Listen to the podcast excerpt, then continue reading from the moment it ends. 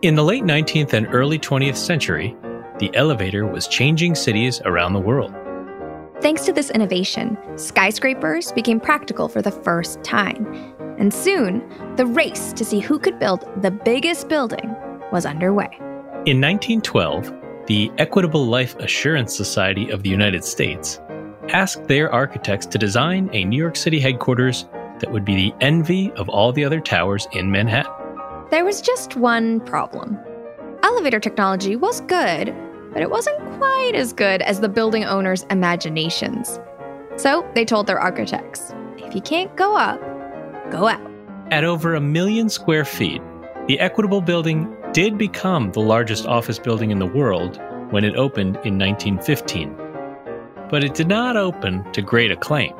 Here's what Real Estate Magazine said at the time It's a monstrous parasite on the veins and arteries of New York City. And a New York City report the following year called it A notable illustration of the evil effect of a building that covers too much land. To understand what was just so evil about it, we decided to go and see this monstrosity for ourselves. We are in the shadows of the Equitable building right now. Across the street on Broadway, it's covered in shadows. Uh-huh. It's just one big shadow, which actually looks kind of nice because it's pretty hot out today. So you can imagine in the early 1900s when electricity wasn't such a big thing that it would have been kind of problematic to have your office completely blocked out with the Equitable building shadows. and the shadows casting over this little public square that is right beside the Equitable building because the Equitable building's so tall. It's not just tall, eh? It's like girthy. it's like very like wide, and it, I th- I really do think it takes up this entire city block. It goes all the way to the other block and it's like consistently wide and massive, whereas a lot of the other buildings around here, they're kind of narrow.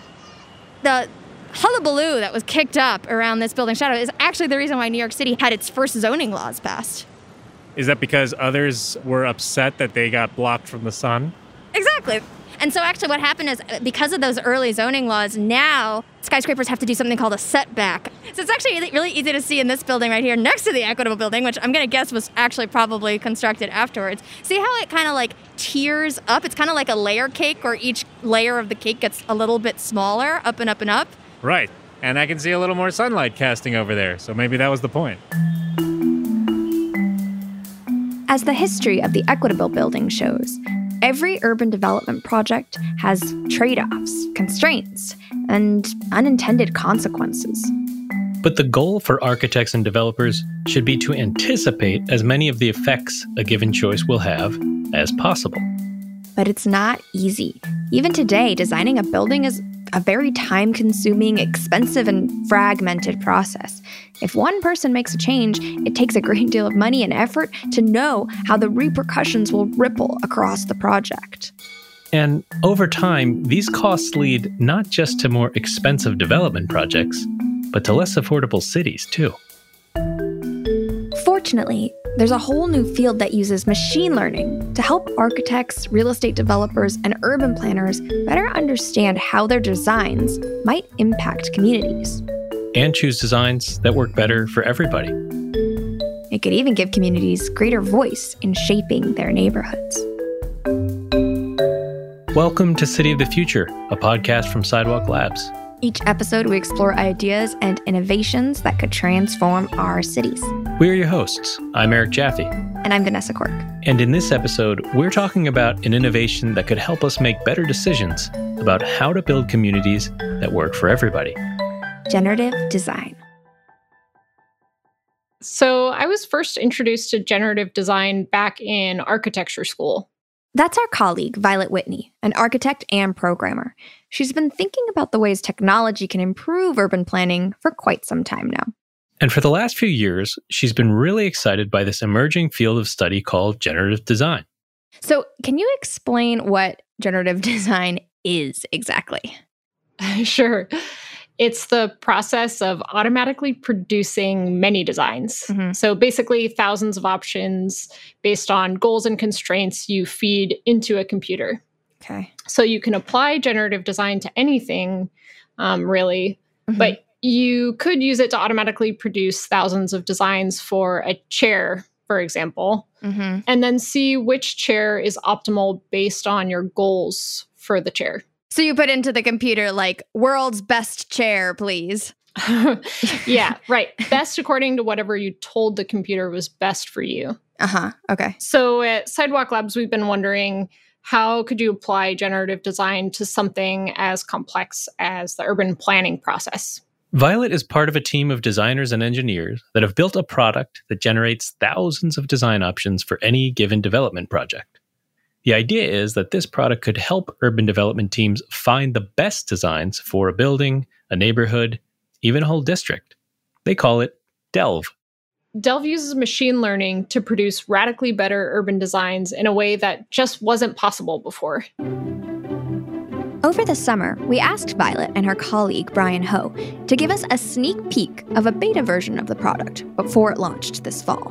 All right, so can you guys describe what we're looking at here? This is what we call Anywheresville, actually. You have a 3D building environment, but we're kind of looking at it from an above map view where we see the entire district. Okay, so I see streets, I see parks, I see buildings. How did Delve produce the neighborhood design we're looking at? So, one of the first things that we always do is to onboard all of the constraints and the local rules and spatial guidelines that might exist. One of those is often zoning. We can encode maximum heights. We can do things like setbacks. And so anything that you can get from municipal open data sets, if there is data that is relevant to a project and you know it exists in a GIS form, we can go and bring it into the project. Okay, so now that we know that our plans aren't going to violate, you know, zoning codes, uh, can we get to the the fun part, the generating of the best designs? How does it work? We'll start with the stakeholder, whoever's developing a site, and they'll have goals and objectives like this much residential space, this much open space. Make sure that everything's within a five minute walk distance. And then from there, we'll put those goals in, and that's when Delve starts generating the best options for them. Some things have trade offs. You can't optimize everything all at once. What the tool is essentially doing is negotiating that complexity. And to that point, there's this little scorecard that's popped up here Mhm. in the bottom of the screen, and you can see the population, you can see how many jobs, you can see how much commercial space there is. And I imagine that changes based on the configurations you're putting on top of these parcels. Yeah, so I've selected an option here. This is iteration 163. You can see it has a daylight score of 57%, whereas this one, iteration 204, optimizes for density, and it has a daylight score of 32%. Yeah. Oh, wow. Yeah, you can see right away. It looks so much denser. It's possible that audio is the worst medium for this conversation because when you look at it, it's it's just so obvious and clear and striking. The visual differences and the types of scores you're going to get and the types of community you're going to live in. Audio challenge accepted, Eric. So, in this iteration, let's call it Sunshine Place, uh, none of the buildings are too tall. They're kind of like far apart from each other, separated by a lot of green space. So, I imagine kids running around. Maybe there's benches so you can sit down and soak in that sunshine. The birds are really, really happy here. Uh, and because the buildings aren't too tall, you know, Sunshine Place gets a very high score for daylight access. It doesn't cast shadows onto other buildings or other public spaces. I like the bird sound effects. we should actually put these sounds in the Delve product. Yeah. Yeah. So that if you click an iteration with open space, you hear birds. I want to I want to optimize for bird chirps. Oh my god, I love that. All right, I hate to burst your bubble here, but this density score, the amount of residents in this place, it's terrible, right? No developer would be able to make their project economics work with that small of a population. Okay, this is a valid point. And also, you know, I want it to be affordable for a lot of different types of households. So, okay, let's look at another option. The other one, let's call this one Dense City. Get it? Dense City? I award you no points, and may God have mercy on your soul. Oh, Eric. Well, then you describe it then. All right, there's lots happening here. There's tons of super tall buildings. They're crammed close together. It's almost like Midtown Manhattan a little bit. There's only one park here, and it's a central park. It's located in the middle of all these tall buildings. But I'm guessing that this park has a shadow problem being surrounded by all those towers. right, I'm imagining trying to set up a picnic blanket in this park and having to move every few minutes because the shadows keep shifting across the park with you. Yeah, and it looks like the daylight access here is 32% on average. We've dropped 25 percentage points through the distribution of massing alone. Right. But a lot more people can live here in dense city compared to Sunshine Place, and they don't have to walk far to get to stores or get to transit for their jobs or mm. get to the park. And to your earlier point, for the developer, you're probably more likely to get a return on your investment in, in this option. And that's a very big part of a trade off. Mm-hmm. But clearly, if we just needed to generate two very different scenarios like these ones and choose between them, you wouldn't need a product like delve right? I mean any architect could create two scenarios. I think what's what's different here violet is that delve uses machine learning to generate thousands of these kinds of scenarios just in minutes right? Yeah. Initially when we started on this project we were thinking a lot about trade-offs but now we're thinking a lot more about how delve can produce options for a site that we just didn't even know were possible before. There's a thousand options out there that might be much better to live in and Delve doesn't just generate all these new options, it actually helps you find the best design for all the different stakeholders. Let's pause on that for a second because we know from history and still today, development is very complicated and it's often fraught, right? It's hard to create a building, a neighborhood, a district that takes into account the needs and priorities of all the different stakeholders involved, whether that's architects, developers, or community members themselves. Right. And then the question becomes can we use technology to do that, to help us make better, more human designs? That's a big question. And it's one that architects have been asking for quite some time. Well, I think there's an interesting question when you're looking at generative design about where creativity comes from. Does creativity come from a human, or does creativity come from how humans work with technology in different kinds of ways? Could a computer suggest options to you that never might have come to mind or made you think very differently about a problem? That's Molly Wright Steenson, a writer and historian at Carnegie Mellon whose work centers around the intersection of architecture and computing. And what's exciting about Molly's work is that technology today is finally catching up to the visions of the architects of the 60s and 70s who were back then just dreaming big. The big ideas were there years ago, but the possibilities for actually putting those big ideas into place was not. One architect with such big ideas was Cedric Price, who we've talked about on the show before. In the 70s, Cedric Price worked with software developers on a project called generator, which he imagined as a building made up of cubes that, thanks to different computer programs, could be moved around by the people visiting it. The most important program they created was a boredom program. Hmm. And basically, in the event of generators, parts not being moved around, it would start coming up with its own layouts for itself. I love that. He was so ahead of his time. It was great. He's amazing. Because when we talk about generative design today, we talk about simulations, you know, not reconfigurations of a building in real time. The fact that Price was trying to do that, it's just, it, it's just so neat. And unfortunately, like most of his work, it wasn't it wasn't built. The project got canceled. But what I like so much about Cedric Price's work is that he wanted to make you think differently about how you use it and what it meant to be designing it and what it meant to be the architect even coming up with these ideas. Price wasn't the only architect of this era who wondered if computers could show architects another way. Christopher Alexander is one of the very first architects to use a computer. Christopher Alexander, who you may know as the author of A Pattern Language, preached that the best spaces are built by the people who live in them, not professional architects or designers. He felt that designers had biases that made them do designy things, right? And that kind of the self importance of a designer or architect might make them make design decisions just for the flourish and um, not for what would actually make for good design or fair design or just design. Here's Christopher Alexander in 1996 addressing a crowd of computer scientists. Now, in our time, the production of the environment has largely gone out of the hands of people at large in society, and it's a serious problem. That's a debatable matter. Some people would say, What are you talking about? It's all absolutely fine. I suppose the architect of this particular room would say that.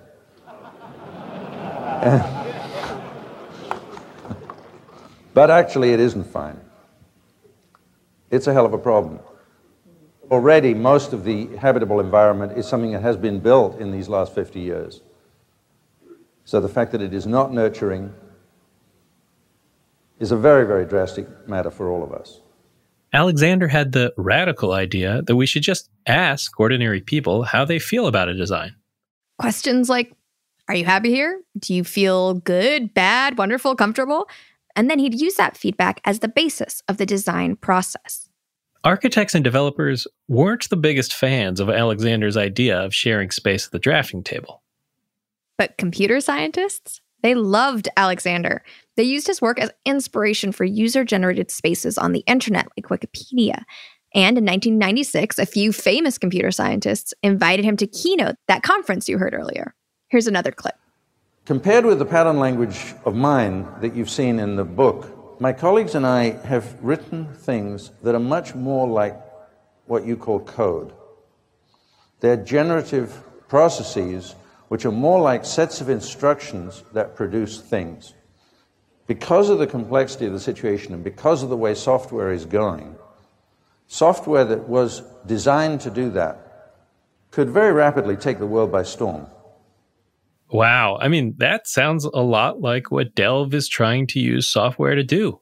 Mm-hmm. And you can see why Alexander felt that computers could, you know, one day completely change the way that buildings and neighborhoods are designed using inputs like what people actually want out of their neighborhoods.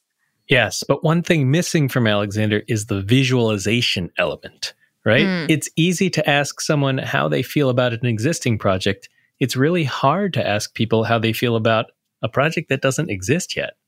Mm-hmm. Well, according to Molly, apparently Alexander did start thinking about this question of visualization in the 60s, but he gave it up to think about other areas of research.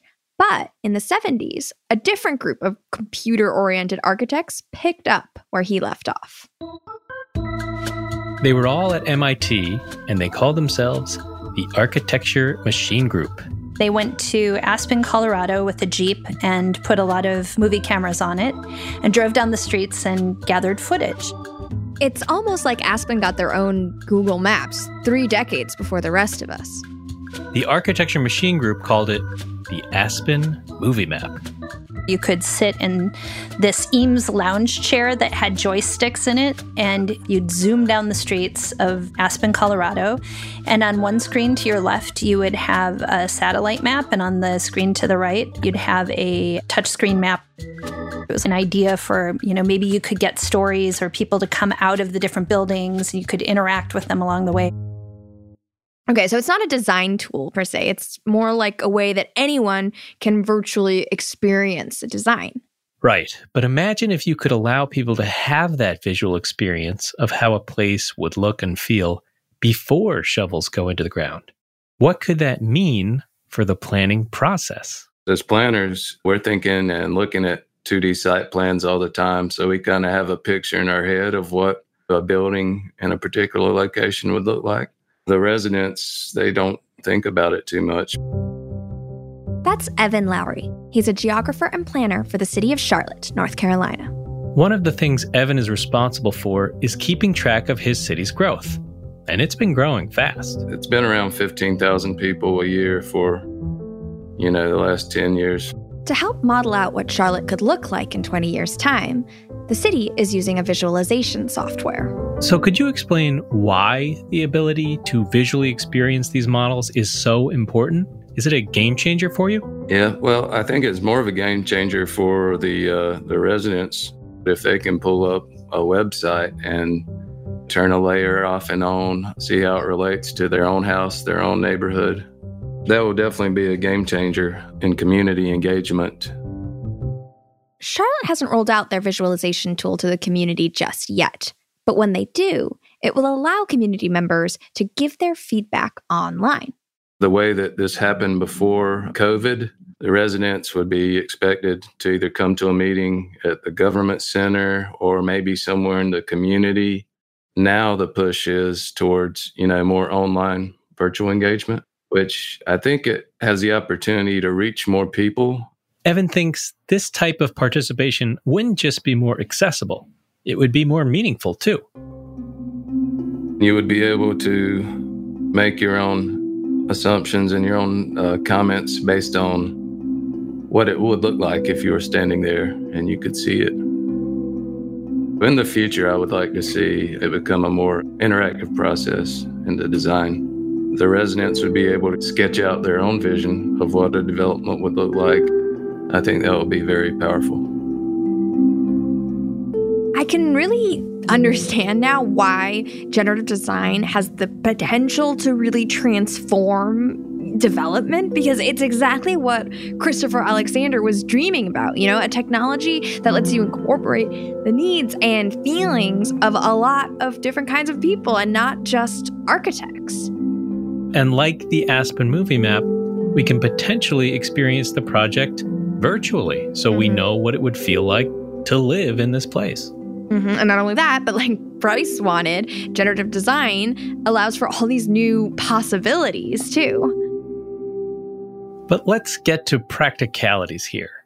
Of course, community members should have the best tools to provide the most meaningful feedback into a development project like they're trying to do in Charlotte. But how can generative design help with the very messy task that falls to cities and development teams of weighing all these competing priorities. Mm-hmm. At the end of the day, how do you make a decision on which plan to move forward with? You're asking uh, the million variant question how do we go from many to one? It's a question Brian and Violet hope that Delve can help cities and development teams answer. The idea is not that you click a button, you get a design, you print it, and you walk away. Um, it's really the opposite. You know, we really want to go in and, and augment and give superpowers to designers, planners, developers who are out there working with communities trying to build better places. And we're thinking about future iterations of Delve where community comments can actually become constraints. So the designs would be held accountable to the community's needs. And that would ensure that when we put out designs, a community can say, yeah, this actually meets this check mark. It has this much daylight, or it's this walkable. Or it has this many birds chirping. yeah, exactly. And if we can achieve that, then we can measure how successful a project is according to how well it meets people's needs or improves their quality of life. And if you do that before a shovel even hits the ground, the community can really understand what this project will mean for them, right? And how it will work for them before it becomes a reality. And that will really change the way we plan not just buildings and neighborhoods, but cities too. Brian and Violet are hoping that Delve makes it possible to bring more voices into the development process. And if it does, it will show that, yeah, generative design can help us make better, more human designs, buildings, and neighborhoods. Bringing our cities out of the shadows and, just maybe, into a brighter future.